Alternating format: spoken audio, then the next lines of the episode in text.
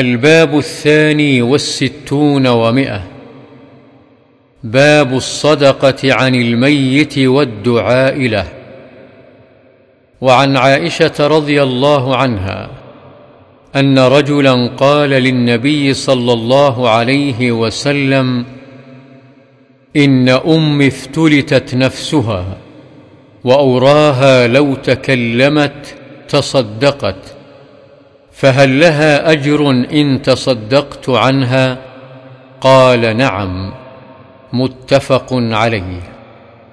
وعن أبي هريرة رضي الله عنه أن رسول الله صلى الله عليه وسلم قال إذا مات الإنسان انقطع عمله إلا من ثلاث صدقة جارية أو علم ينتفع به أو ولد صالح يدعو له.